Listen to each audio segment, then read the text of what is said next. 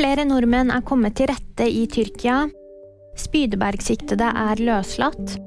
Og Amnesty reagerer på United-rykter. Flere norske borgere er kommet til rette etter jordskjelvkatastrofen. Det melder Utenriksdepartementet.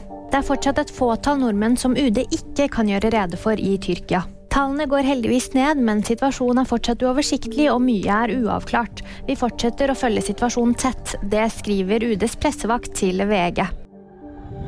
De siktede i Spydeberg-saken er løslatt fra varetekt. Det bekrefter deres forsvarere. De to mennene er siktet etter at tvillingene Mina Alexandra og Mille Andrea Hjalmarsen døde av det som trolig var en overdose. Emiren av Qatar vil kjøpe Manchester United. Det skriver The Guardian onsdag ettermiddag. Dette får Amnesty International til å reagere.